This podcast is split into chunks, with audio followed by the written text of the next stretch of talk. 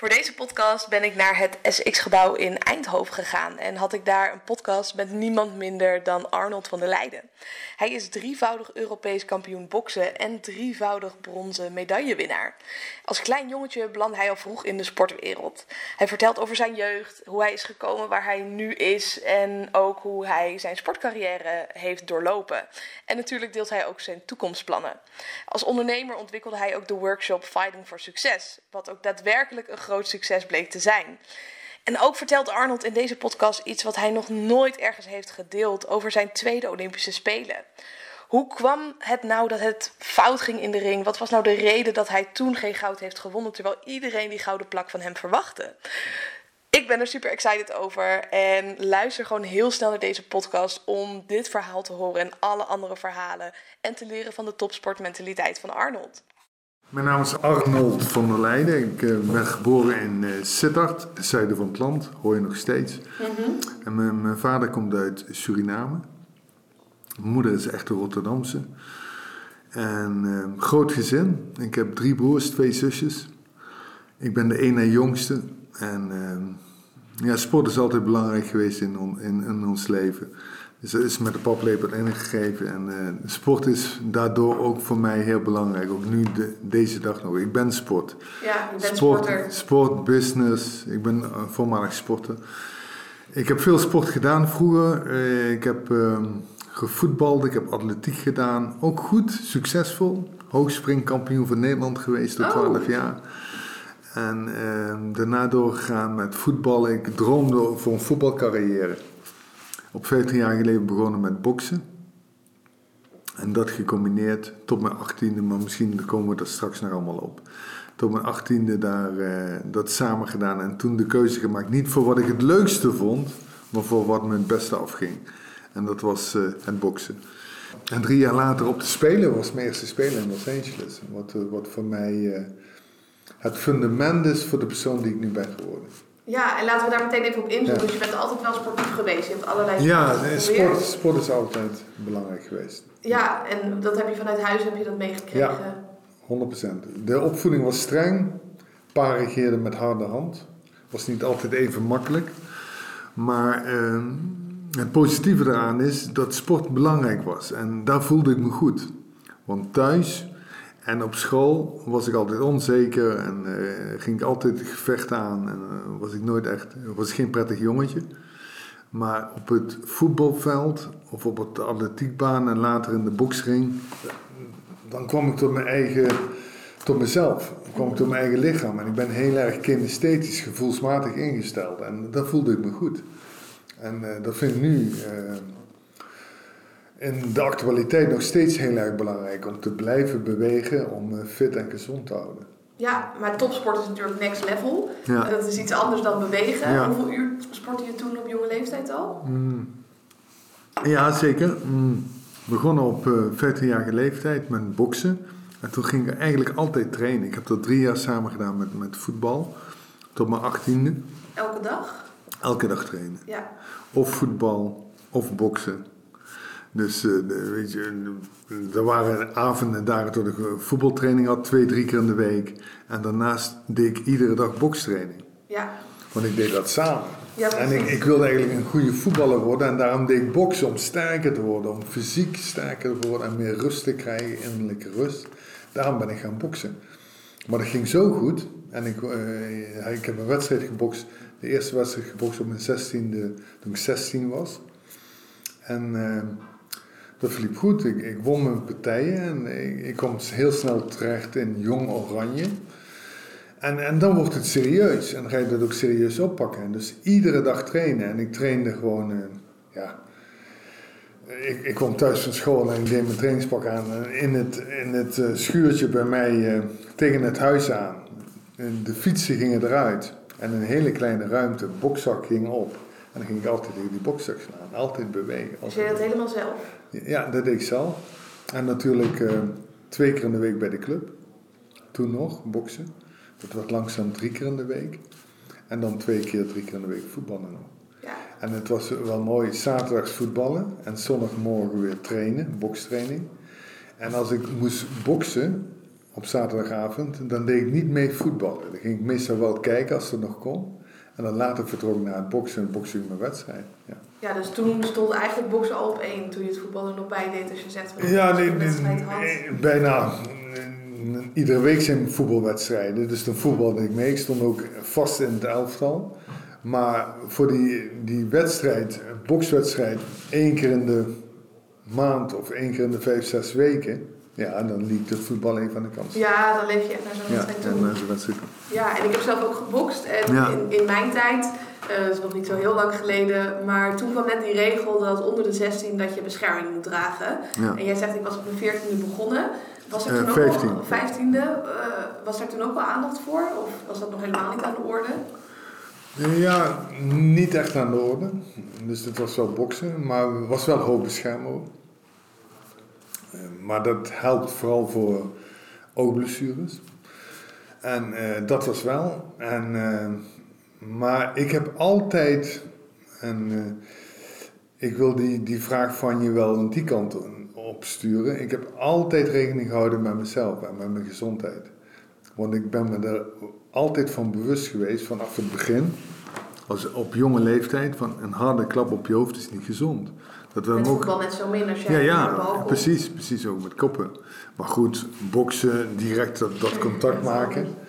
Eh, mijn ouders waren niet super blij dat ik ging boksen, wel om te trainen. Maar wedstrijdboksen, nou, dat vonden ze toch wel spannend. Maar ze hebben me altijd vrijgelaten met eh, de keuzes die ik heb gemaakt. Ja, En dat, dat vind ik goed. Ik heb zelf gekozen en ik heb dan wel beloofd, ik kijk uit. Papa, mama, ik ga bewegen, niet te veel klappen krijgen, noem maar op. Daar heb ik altijd op gelet.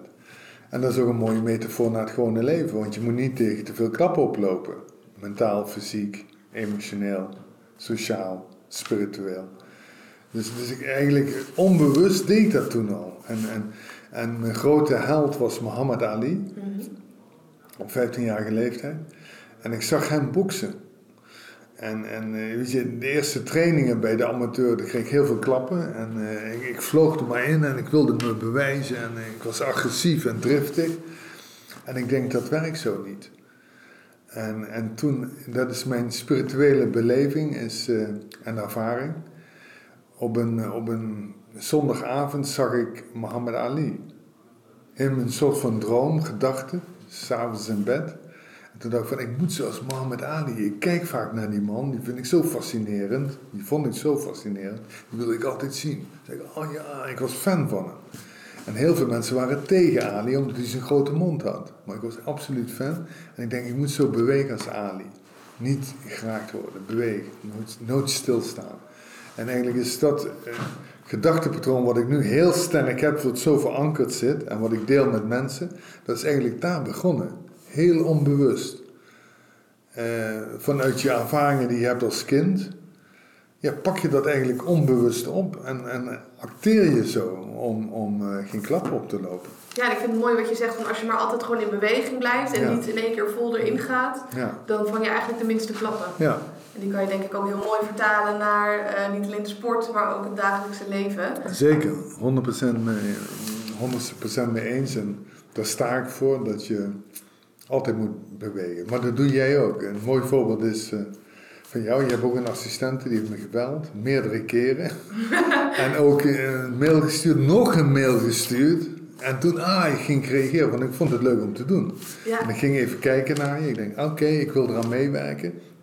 Ziet er goed uit. En, eh, maar ze heeft ook alle moeite gedaan om, eh, om mij te contacten. En dat geeft ook een goed gevoel voor mij. Van, hé, hey, eh, dit is belangrijk. Dus het Arnold, is niet zomaar. Sharp zijn. ja, sharp zijn en zorgen dat je, dat je ervoor staat. ja, ja, precies. En je zei van, nou, toen koos ik op een gegeven moment ervoor om te gaan boksen. Niet per se omdat ik dat leuker vond, maar ik was er gewoon beter in. Ja, Eh, hoe, reageerde je omgeving daarop? goed. Eh, mijn ouders zeiden, oei, je gaat wedstrijden boksen. Maar wat we hebben gezegd, kijk uit. En gezondheid is belangrijk. Blijf fit en eh, doe het goed. Veilig. En discipline. Doorzetten en doorgaan. En eh, dat, dat zat er gewoon altijd in. En dat heb ik gedaan. En, en ze hebben me altijd ondersteund. Wat ik al zei, daar ben ik ze dankbaar voor. Want ik heb die vrije keuze altijd gehad. Ja. Om ervoor te kiezen. Want natuurlijk eh, stonden ze niet met een grote glimlach op hun gezicht toen ik ging boksen. Wedstrijd boksen. Nee. Ik was een lange slungel. Eh, lange, dunne jongen.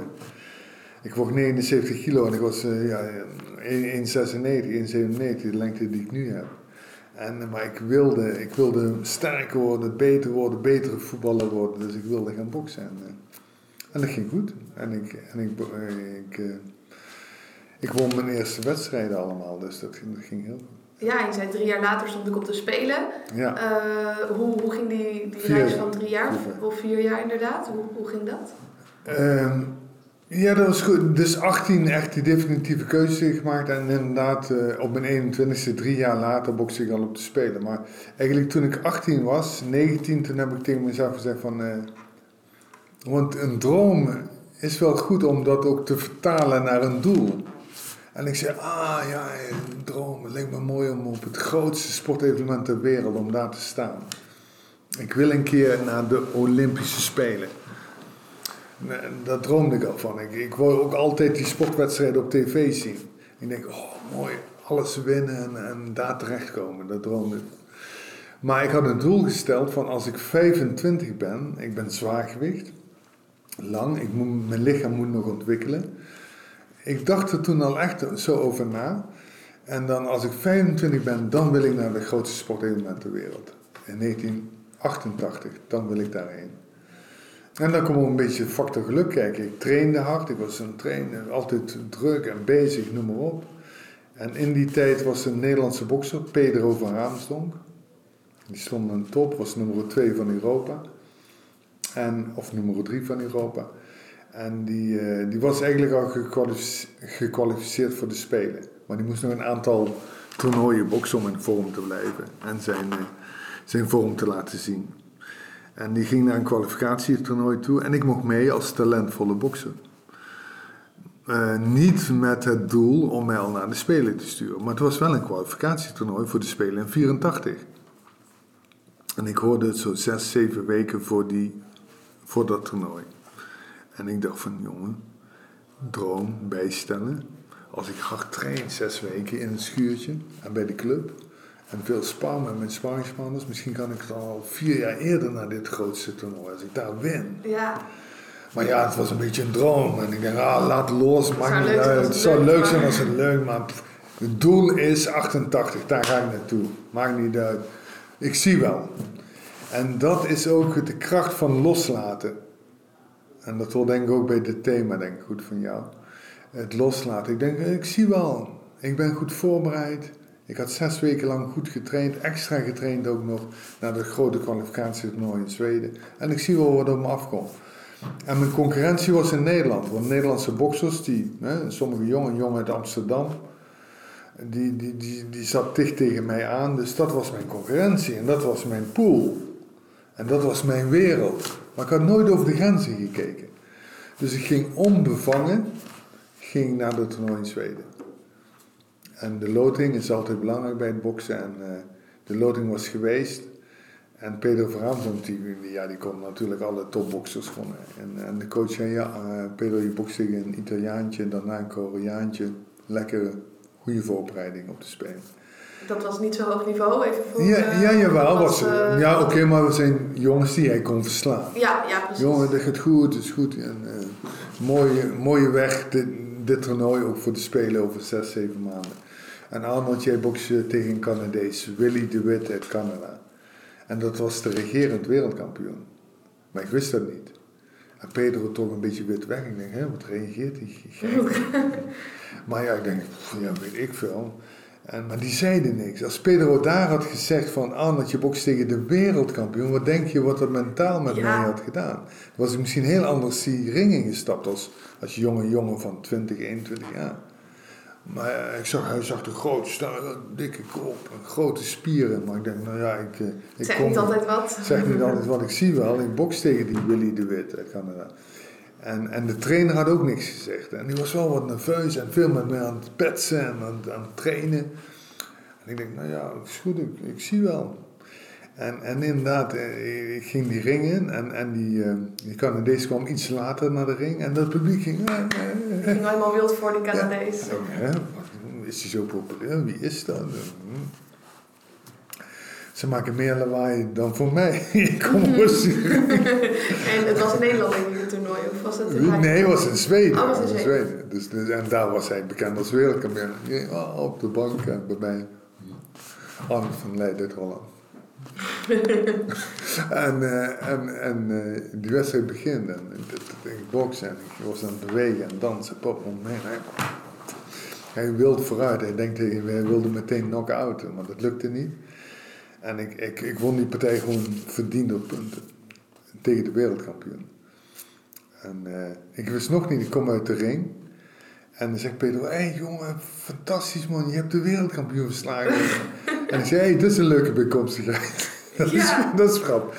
En toen mocht ik inderdaad ook zes maanden later naar de Spelen. Kan ook bijna niet anders, toch? Ja, nee, ik kon niet. Ik heb de wereldkampioen verslagen. En, en, en ja, maar dat is wel een mooi voorbeeld van, weet je wel, mentaal Absoluut. Moet je elkaar helpen en moet je elkaar ook sturen en moet je ook aanvoelen wat je kunt zeggen of niet kunt zeggen. En daar ben ik Pedro en die trainer eigenlijk nog steeds dankbaar voor dat ze dat op die manier die keuze hebben gemaakt.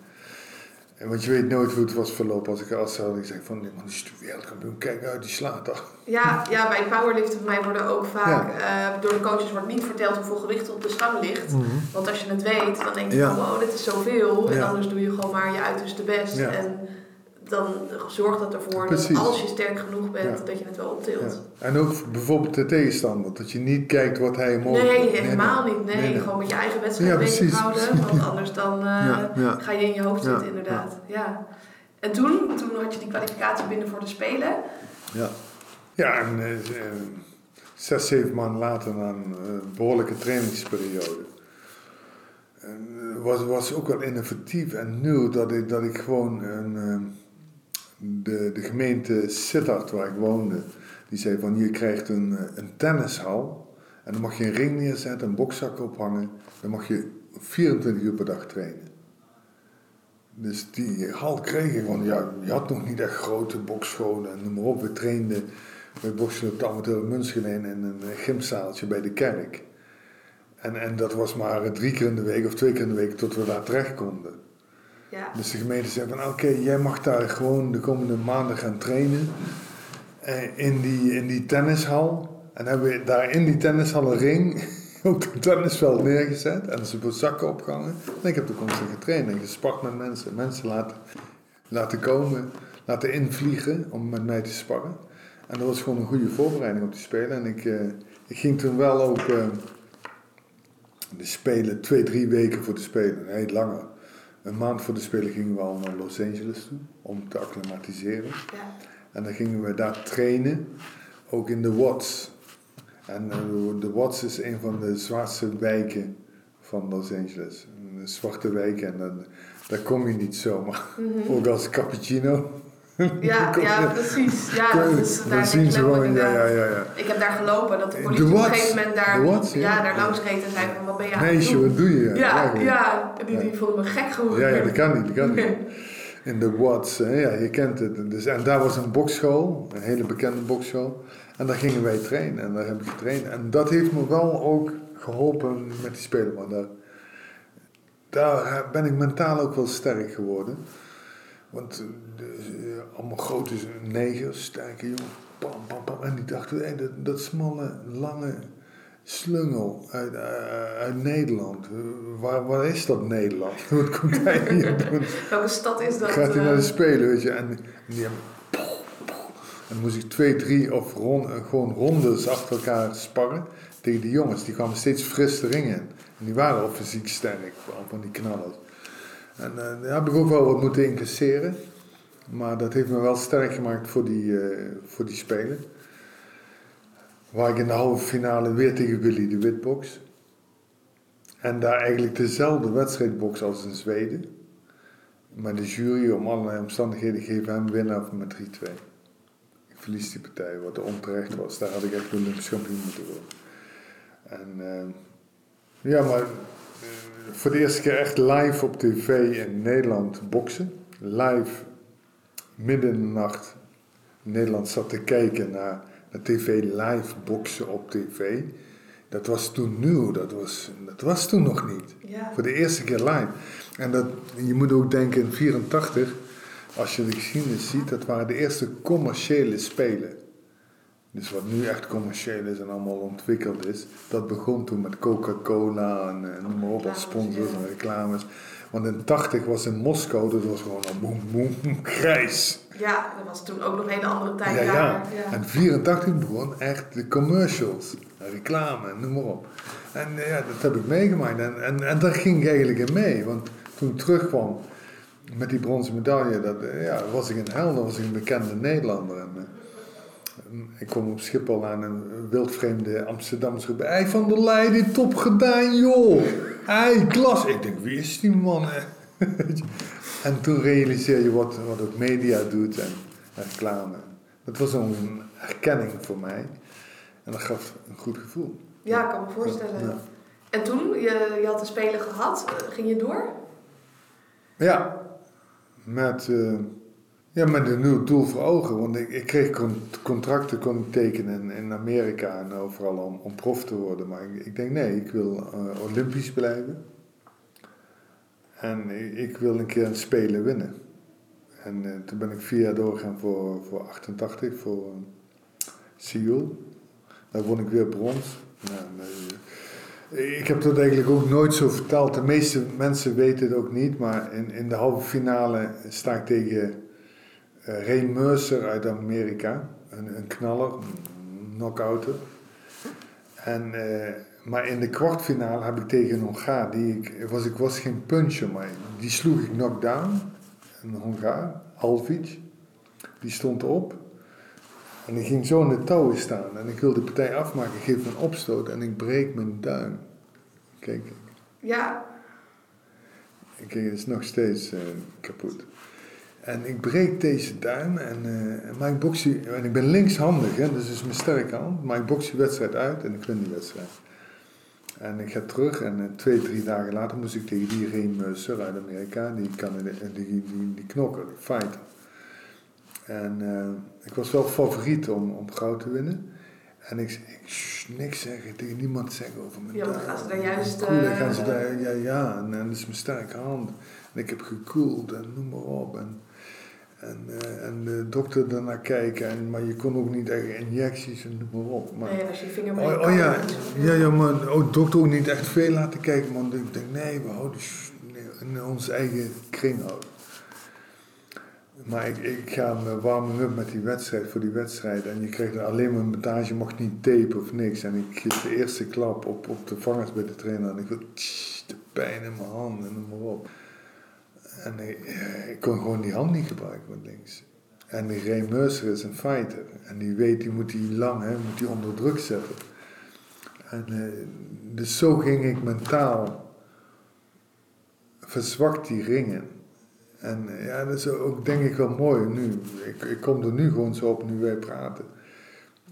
Uh, is wel mooi ook voor, voor de podcast, is dat daar was, is mijn enige gevecht waar ik onzeker was en mentaal zwak. Ja. Want ik wist eigenlijk, gaan, ik ga dit niet winnen. Nee, zeker niet als linkse sterke hand. Ja, ik, ik ga dit niet winnen. Ik ga dit niet winnen en ik moet maar overleven. Ik kijk wel. Ik zie wel wat het wordt. En uh, binnen mijn tijd in de eerste ronde 10 had ik al, zat ik op de grond. Terwijl ik zat nooit op de grond. Ik kreeg nooit een klap waar ik van last van had. En die hand kon ik niet houden. De eerste klap die gaf, ah, pijn. Oh ja, die eerste ronde was ook nog goed. Ik maakte puntjes, pap, pap, pap, maar ik kon niet hard slaan met deze. Maar ik werd onzeker in de tweede ronde gebeurde. Kwam hij erin vliegen, hij raakte me en ik ging zitten. En dan ging ik nog een keer overheen opstaan, nog een keer overheen afgelopen partij. Het was halve finale, ik had weer brons gewonnen. Maar iedereen verwachtte goud. Ja. En dan, uh, dat is ook wat je moet handelen, want de eerste keer brons op Schiphol komen, er stonden duizenden mensen van der Leiden. Ah. Ja, die kende je nog niet. Die hadden nee, lagere nee. Ja, en, en, en handtekenen en even een fotootje, noem maar op. En, en na die tweede spelen, weet je wel. Ja, natuurlijk ook wel mensen, hey, ja, een foto, noem maar op. Maar rustiger. Minder waardering, noem maar op. Terwijl... Oh ja, en ik liep in het gips. En ik, ik kreeg een interview met Mart Smeets. En, uh, of ja, die deed nooit boksen, maar die zei toen in zijn commentaar: ja, Van der Leijden is veel te lief om te boksen, hij slaat niet. En, en, en, die had alleen die wedstrijd En daar is het imago ontstaan, want met mijn accent en met mijn uiterlijk. En ik ben niet echt een punch, ik was geen knock-out bokser. En met, met, met, onder andere daar begon dat. Terwijl ik gewoon een gebroken duim en ik sprak er nog niet over, maar ik zat in het gips. Was en, en, geen journalist zei van, hey, is er niet gekomen, wat, wat, heeft, wat voor invloed heeft die duim gehad? Je, je zit in het gips. Ja, en dat was dus al in die wedstrijd voor Mercer. Maar goed, het is geen excuus. Ik heb het ook nooit als excuus gebruikt. Nee, precies. Had je die wedstrijd dan wel moeten vechten? Ik bedoel, het gebeurt ja, vaker. Ja, ja, dus terugkijken. En ik, ik zou je zeggen, en het is wel leuk voor deze podcast, voor jou. Want eigenlijk heb ik er nooit over gesproken. Misschien in alle jaren zijn één, twee journalisten waar ik het in een klein stukje in een krant over gemeld heb, zo heel kort. Maar dit is de eerste keer dat ik het uiteenzet. Omdat ik het nooit als excuus. Ik kwam op Schiphol terug met die dingen en iedereen, oh jij heeft brons gewonnen. Voor de tweede keer brons proficiat. Weet je wel? Maar het viel een beetje tegen, want ik had goud moeten winnen. Ja, ja precies. En waarschijnlijk was je daar ook goed genoeg voor. Ja, ja. ja. Ik, ik, was favoriet. Nummer 1 deed niet mee. Ik was, was de beste van de wereld op dat moment. En, uh, en, eh, maar goed, ik heb dat omgezet. Ik wist wat er gebeurd was. En de reden en uh, geen excuus. Maar ik wist wel wat er gebeurd was, waardoor ik niet die stap had kunnen maken. Ja. En dat bracht voor mij een, uh, gaf me een goed gevoel. Gaf me een gevoel van om, om weer door te gaan. En toen uh, ook weer contracten kon tekenen in, in Amerika en noem maar op. Maar nee, ik blijf trouw aan het Olympisch boksen. En ik ga voor 92. 88 tot 92 waren mooie jaren. En 87 werd ik voor de eerste keer Europees kampioen met Sovjet-Unie, DDR en Oostbloklanden allemaal. Dus ik was uh, 87, 89 werd ik voor de tweede keer Europees kampioen. En uh, ja, alles ging goed. Ik won iedere wedstrijd. Ik was überragend. Maar langzaam kwam een Cubaanse bokser, een jonger, vier, vijf jaar jonger. Uh, waar ik in 86 voor de eerste keer tegen boksen, waar ik ook van verloor.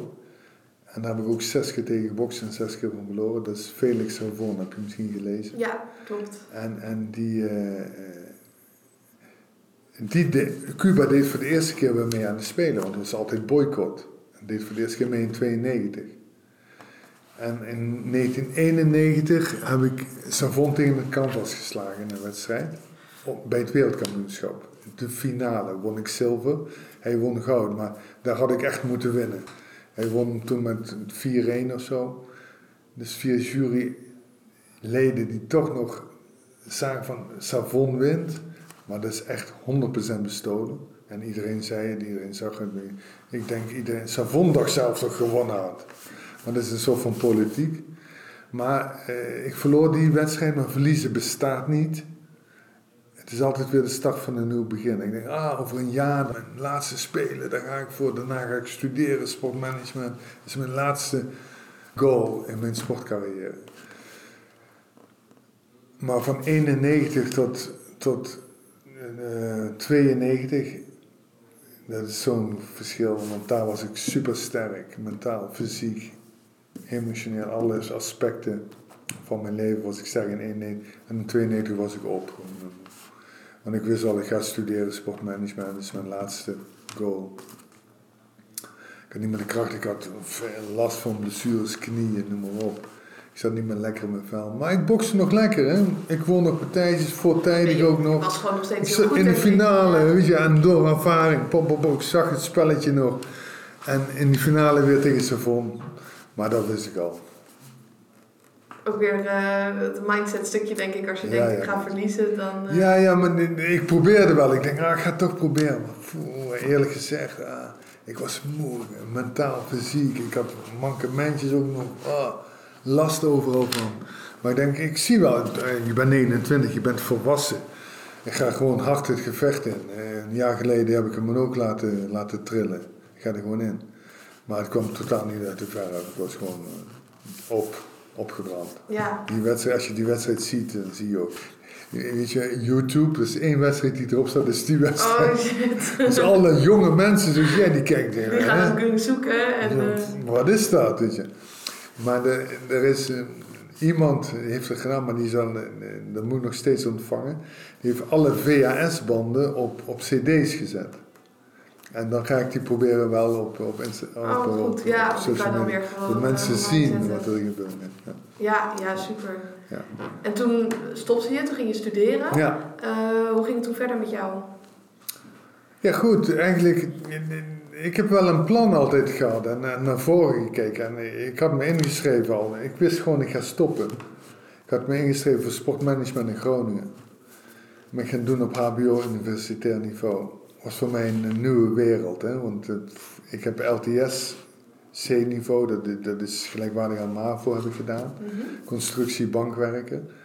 En eh, een super vak, noem maar op. Maar ik wilde door en ik wilde iets in, in sport en management, noem maar op. En, en dat was... eh, en dat was, dat was mooi, daar, daar ben ik opgestapt. Ik was onzeker in het begin. Ik moest ook toelating doen. En die man die zei zo, verschillende moesten toelatingstests doen. En die man zei, oké, iedereen, eh, wij, Arnold blijf je even zitten. En, eh, en ik dacht, oh shit. En hij zei van, nee man, eh, ik wil je even zeggen, je was zo onzeker van tevoren, maar je hebt het echt super gedaan en je bent gewoon door. Ja. En ik, ik heb die opleiding heb ik, eh, heb ik afgemaakt en dat is voor mij de basis geweest voor wat ik nu doe en wat ik doe. En toen ik begon met lezingen, workshops, trainingen geven aan, aan bedrijfsleven en managers. Dus je bent meteen daarna gaan ondernemen. Ja, precies. Meteen gaan ondernemen, van der Leiden, promotions begonnen, heb ik nog steeds. En eh daar doe ik allerlei activiteiten voor bedrijven. Ja. En wat doe je zoal voor bedrijven? Ja, motivatie, inspiratie, veranderingsprocessen binnen bedrijven. Dus, eh, of mensen motiveren, maar in beweging zetten. Dat is mijn kracht. Dat is wat ik doe en eh, wat ik ook wil. Ik kijk nu naar mijn glimlach. Ja, ja en, en als we Ja. kijken naar motiv- hoe motiveer je mensen? Want ik weet dat een heleboel mensen die deze podcast luisteren Ja. ook dromen hebben, maar het is nog geen doel, geen plan. Dat in beweging komen lukt niet. Ja. Hoe, hoe doe je dat? Ja, me- meestal gaan ze een plan schrijven en een, en, en, en een doel en differentiëren wat ze willen en noem maar op. En, eh, en dat is hun beweging, maar dat is vaak een zittende beweging en in hun hoofd, want ze denken dat en schrijven dat op. Dat is wel het gevoel, maar daar moeten ze ingaan. Ze moeten meer het bewegen doen met het lichaam. Weet je, eh, ze zeggen ook altijd mentaal en eh, fysiek bewegen, mentaal voorop. Maar fysiek is eerst. Ja, Als actie. je, eh, ja, als je zelf beweegt, ga je je mentaal lekkerder voelen. Want een stofje wordt vrijgemaakt, gelukstofje stofje in je hoofd, waardoor je je lekkerder gaat voelen. En Dus begin eerst met bewegen. Wij zitten nu al veel. Ja. En Eigenlijk zou je al nu wel weer moeten gaan bewegen, weet je. Om je fit te voelen, we zitten maar snel. Ja, En, en, en dan voel je je prettig en dan gaat het goed. Dus bewegen staat voor mij nummer één. ja, Mijn belangrijkste gedachtegoed is, zolang je in beweging bent, is de kans dat je geraakt wordt het kleinst. Nooit stilstaan. ja. Ik zeg dat iedere keer weer opnieuw. Omdat dat ook mijn gedachtegoed is, mijn belangrijkste affirmatie, gedachte. Ja, ja, precies. Dan word je niet geraakt. Ja, eh, dan word je niet geraakt. En dus eh, dat, dat deed ik in de ring. En dat doe ik eigenlijk nu in het leven ook gewoon. Dus, dus trainen, oefenen, bewegen. Ik, eh, ik geef twee keer in de week, vrijdagavond, vanavond en, en zondag geef ik les. In mijn eh, woonplek in, in België. En dat doe ik ook om zelf te blijven bewegen en blijven denken en eh, ideetjes eh, genereren en programma's maken. Wat En voor les geef je dan? ja, fighting fit boxing, dus training, bokstraining geef. Ja, dus echt. En nog, locals. meiden zoals jij, vrouwtjes, jonge vrouwen, mannen, die, die komen en die komen lekker trainen. En die komen echt, weet je wel, van oh gelukkig, het is weer vrijdag, we kunnen weer even lekker uitleven. Ja, ja, mijn bokstraining was ook altijd op de vrijdagmiddag en daar keek Ja. ik ook onwijs naar uit. Ja. Gewoon lekker alles Ja, geven en dan precies. het weekend in. Ja, precies. Ja. Ja. Ja.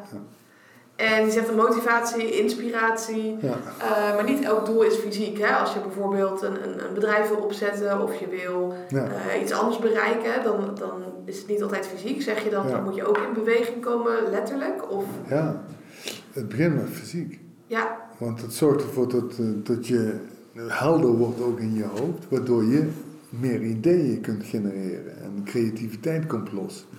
Weet je, uh, als je vastzit, moet je eens een keer gaan wandelen en dan komen de mooiste ideeën. Wandel met je hond of ga even fietsen. Dan denk je, oh ja, dat, dat, dat moet ik nog doen. Oh ja, doe ik het zo. Ja, dan vaak is die ruimte ook. Ja, dan komt ruimte en dan schrijf je het op. Of vaak neem dan een boekje mee, eh, een aantekeningsschriftje en dan schrijf je het dan, dan op. Want dan, en dan ga je het dan thuis uitwerken. Ga je zitten. het vaak in in de telefoon als ja, je inspiratie precies, hebt, precies, uh, inderdaad. Ja. ja onthoud je het, ja. ja. Dus, dus, dus alles begint met beweging, denk ik. Ja. En beweeg je zelf nog veel? Ja, ik probeer het zo goed mogelijk te doen. Ik, uh, natuurlijk, wat je zegt moet je ook doen. Mhm. Dus ik probeer me fit te houden. Maar het is niet altijd vanzelfsprekend, hè? De diëtisten zijn soms te dik, de ja, ja, en, en, zeker in drukke periodes. Het is nu met corona het wat stiller geweest en rustig geweest, heel rustig geweest.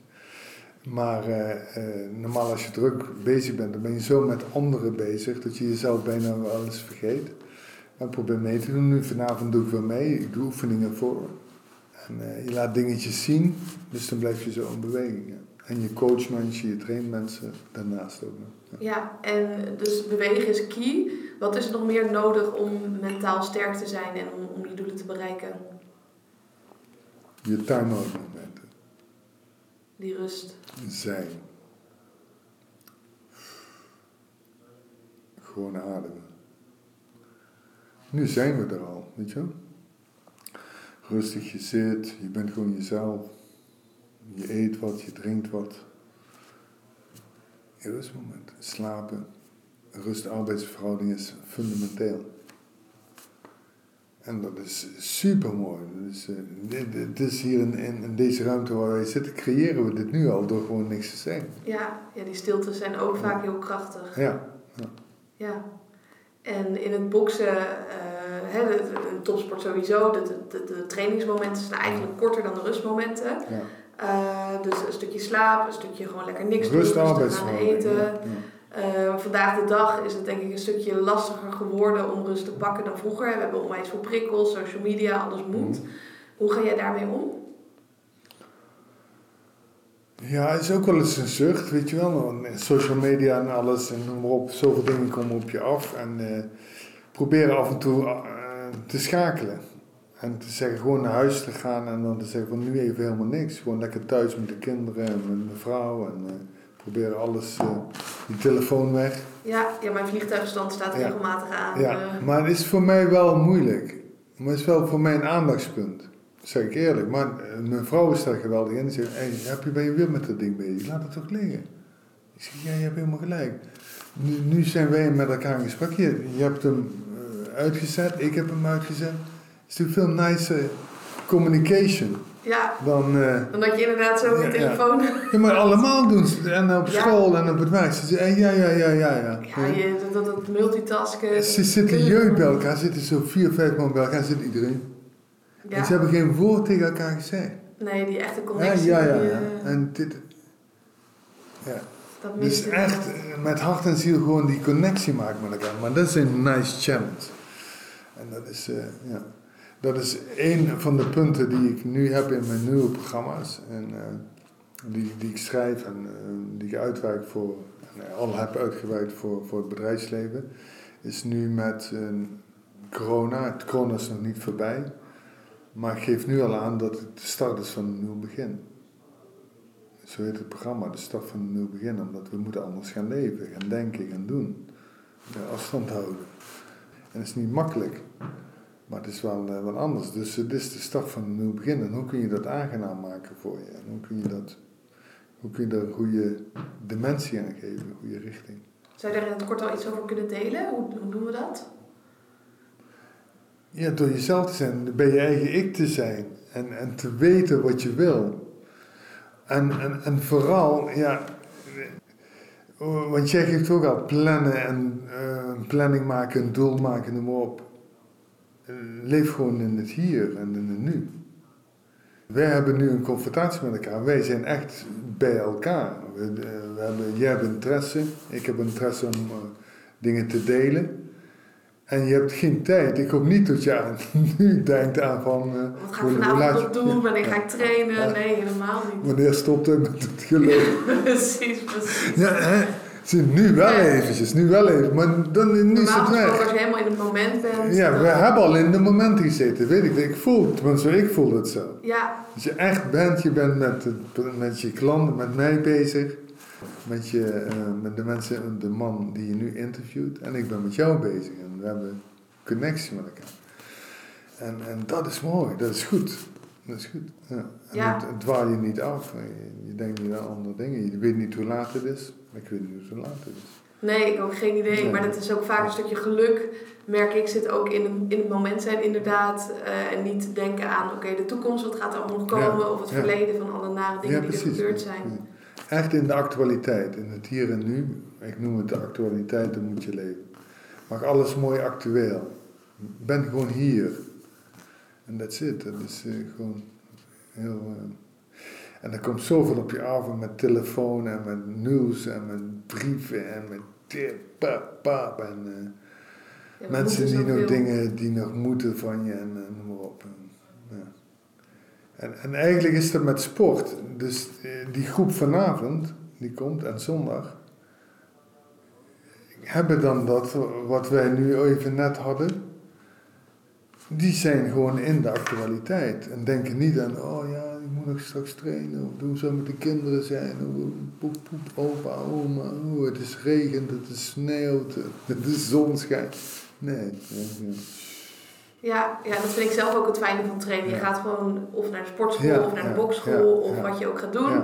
Je gaat dan dat uurtje ga je trainen en hoef je even niet bezig te zijn met al die andere randzaken. Maar ik merk wel... In het proces. In het proces, ja. Maar dat als het gaat om rust, dat mensen sneller geneigd zijn om te zeggen, nou weet je wat, ik, ik zou rust kunnen nemen, maar ik moet nog dat, dat en dat doen. Laat die rust maar even zitten. Dat is een valkuil, dat is een valkuil. Ja, dat heb ik ook wel, dat heb ik ook last van. Iedereen heeft er last van. Maar ja. Eh, je moet ook zelf durven in de spiegel te kijken. Want de rust-arbeidsverhouding is ongelooflijk belangrijk. Dus eh, je momenten van ademhaling, bewuste ademhaling, rust te zijn lichaam in het hier en nu rust. Dat is ongelooflijk belangrijk. Ik, ik moet zeggen, wij doen dat goed. Met het gezin, we slapen veel. We gaan vroeg naar bed, vroeg op. De kinderen eh, vroeg op naar school. En Hoe laat sta jij zelf op? Half zeven, half zeven, ja. ja. Half zeven met de kinderen. En tien voor half zeven, tien voor half zeven sta ik op.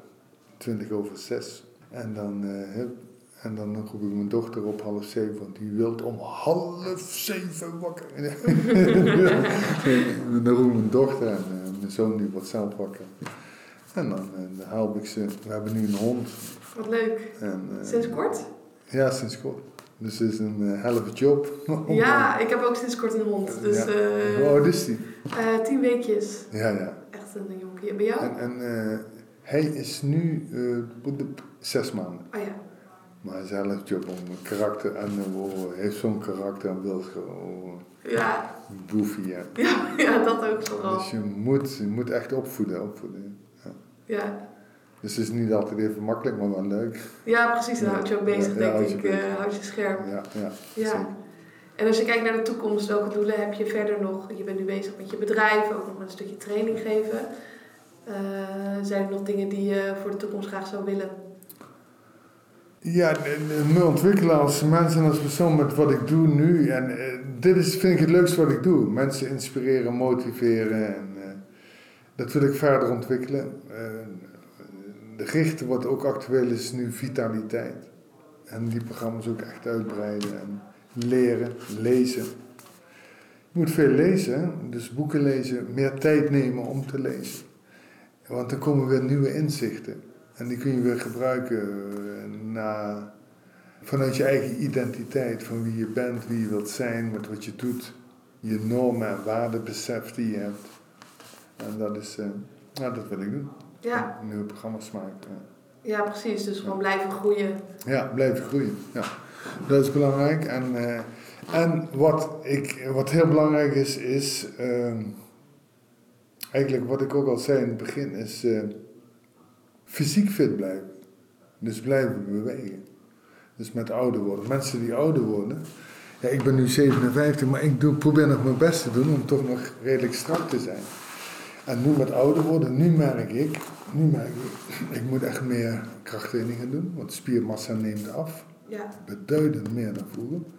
Dus, uh, en dat vertel ik ook met mensen, dus je moet het zelf ook doen. Uh, krachttraining. Iedere dag opdrukken, iedere dag krachtoefeningen doen. En niet alleen met je eigen lichaam, maar toch ook wat gewichten gebruiken. Ja, je denkt er al snel aan inderdaad. spieren eh. sterk te houden. Sterk. Ja. Dus dat is, het zou mooi zijn als je 60 bent en je hebt nog een goede definitie, een goed lijf, sterk. En niet te veel vetgehalte. En ja, dat is, is mooi. Ja. Gezond oud worden. Ja, precies. Ja, wie wil dat nou niet? Ja, ja. Maar weinig mensen zijn denk ik maar echt bereid om het werk er ook in te steken. Om elke dag die push-ups te Maar doen. het is hard, het is hard. Fijn, discipline, ik weet het zelf. Ik sla ook wel eens een dagje over, maar je moet iedere keer weer opnieuw. Ja, dan pak je het weer op, denk ja. ik. eh. ja, ja, zeker. En eh, er wordt ook vaak gezegd, ook in trainingen en workshops, van eh, ja, je moet niks en je moet gewoon doen. En die zeggen dan eigenlijk in die actualiteit moet je gewoon zijn. En, wat je, nee, maar soms moet je. Ja, ja, ik zeg zelf je moet niks. Maar ja, als we er toch zijn, Ja. waarom zullen we Ja. dan niet het aller, allerbeste eruit halen? Ja, du- dus je, je moet iets doen voor jezelf om fit en vitaal te blijven. Ja, als je het doel wil bereiken, Ja, als je het doel wil bereiken, ja. En het hoeft niet, je moet niks, maar dan heb je wel geen resultaat. Nee, nee dan, dan Ja. je niet op de top Nee, van nee, je kunnen nee, en eh, haal je er alles uit. Precies, precies. Ja. En als je zo terugkijkt, hè, je, je hebt een aantal dingen gedeeld van dingen die wat minder gingen. Wat zie jij zelf als je grootste tegenslag? Per se in de sport of misschien op een ander vlak? Ja, mijn- grootste tegenslag is. ehm, en ook wel teleurstelling, maar dat, ik, gewoon, ik, ik kijk naar mezelf, ik leg dat niet bij de ander neer. Ik leg dat niet bij de ander neer, want het, het zijn keuzes die ik heb gemaakt en ik heb dat niet goed in, eh, niet goed in acht. Ik heb dat niet goed bekeken en eh, er geen goede keuzes in gemaakt. Weet je wel? Dus een, eigenlijk na mijn carrière in 1992 stop ik en eh, mijn persoonlijke begeleider was een, eh, man, mijn manager, die, die had een saunabedrijf. Die heb ik in 1995 heb ik die overgenomen. En hun pensioen geregeld. Voor die man en die vrouw. Dus die ze me echt heel lang in mijn carrière begeleid hebben. Zo van tweede vader was noem maar op. En dat, eh, dat heb ik gedaan. Ik heb dat gekocht. Ik heb hun een goed pensioen gegeven. Met, ehm, met het vooruitzicht dat... eh, ik was de enige... Ze hadden geen kinderen, dus ik was de enige erfgename, noem maar op. En er zijn afspraken gemaakt, die zijn ze niet nagekomen. Weet je? En ik heb hun pensioen tot echt de laatste cent ook betaald Ja, voordat ze zijn overleden. Dat kwam ook zo uit, want hij is iets eerder gestorven, zijn vrouw is doorgegaan. Tot de laatste cent heb ik, eh, ze- heb ik eh, het pensioen betaald. En net daarna overlijdt zij, of net daarvoor. Dan ging dat nog naar, het, eh, naar de erfgenamen. Mhm. En ja, dat, daar heb ik wel wat foutjes in gemaakt. Dat heeft me wel kracht gekost om, eh, om dingen te overwinnen. Financieel. Echt dieptepunten gehad, weer omhoog moeten knokken, vechten. Eh, eigenlijk ehm, eh, economisch failliet en weer terugknokken om dat te realiseren en te helpen. Maar goed, dat, dat zijn keuzes die ik heb gemaakt en die ruimtes die ik heb gegeven. En dat, eh, dat is ook een leerproces geweest. En dat vergt ook fighting spirit om weer op te staan en door te gaan. Ja en weer op een andere manier dan Ja. het fysieke, maar wel dezelfde skills inderdaad. Ja. Dat, dat, dat vergt gewoon weer iets. En het vergt vooral ook integriteit. Ja, want de- ik hoef niet te gaan blaffen of te gaan zeggen, oh, dit, en dit hebben ze mij aangedaan en noem maar op. Nee, kijk in de spiegel, wat had ik daar anders in moeten doen? Ja, dus je neemt zelf die Ja. verantwoordelijkheid. Je Ja, gaat geen ik heb daar zelf, nee, nee, ik ben geen slachtoffer, ik heb daar zelf andere keuzes in moeten maken. Ja, Dat is me zo aangeboden, dat heb ik opgepakt, dus dat is mijn verantwoordelijkheid. Precies. En die verantwoordelijkheid wordt vaak ook bij situaties bij mensen van, zich, van, van hun afge, wordt van, je, van hun afgeduwd. Die zeggen van nee, dat is niet iets van mij, dat is mijn schuld niet. eh, Maar dan kan je ook niet opstaan en doorgaan als je Nee. niet voelt dat je er iets aan kan Ja, veranderen, ja, denk ik. ja. En niet in de slachtofferrol blijven zitten doorgaan. Ja, always fight. Precies, ja, ik denk dat dat een hele mooie is om hem bij af te sluiten. Ja. Dus hier onwijs bedankt voor. Ja, graag gedaan.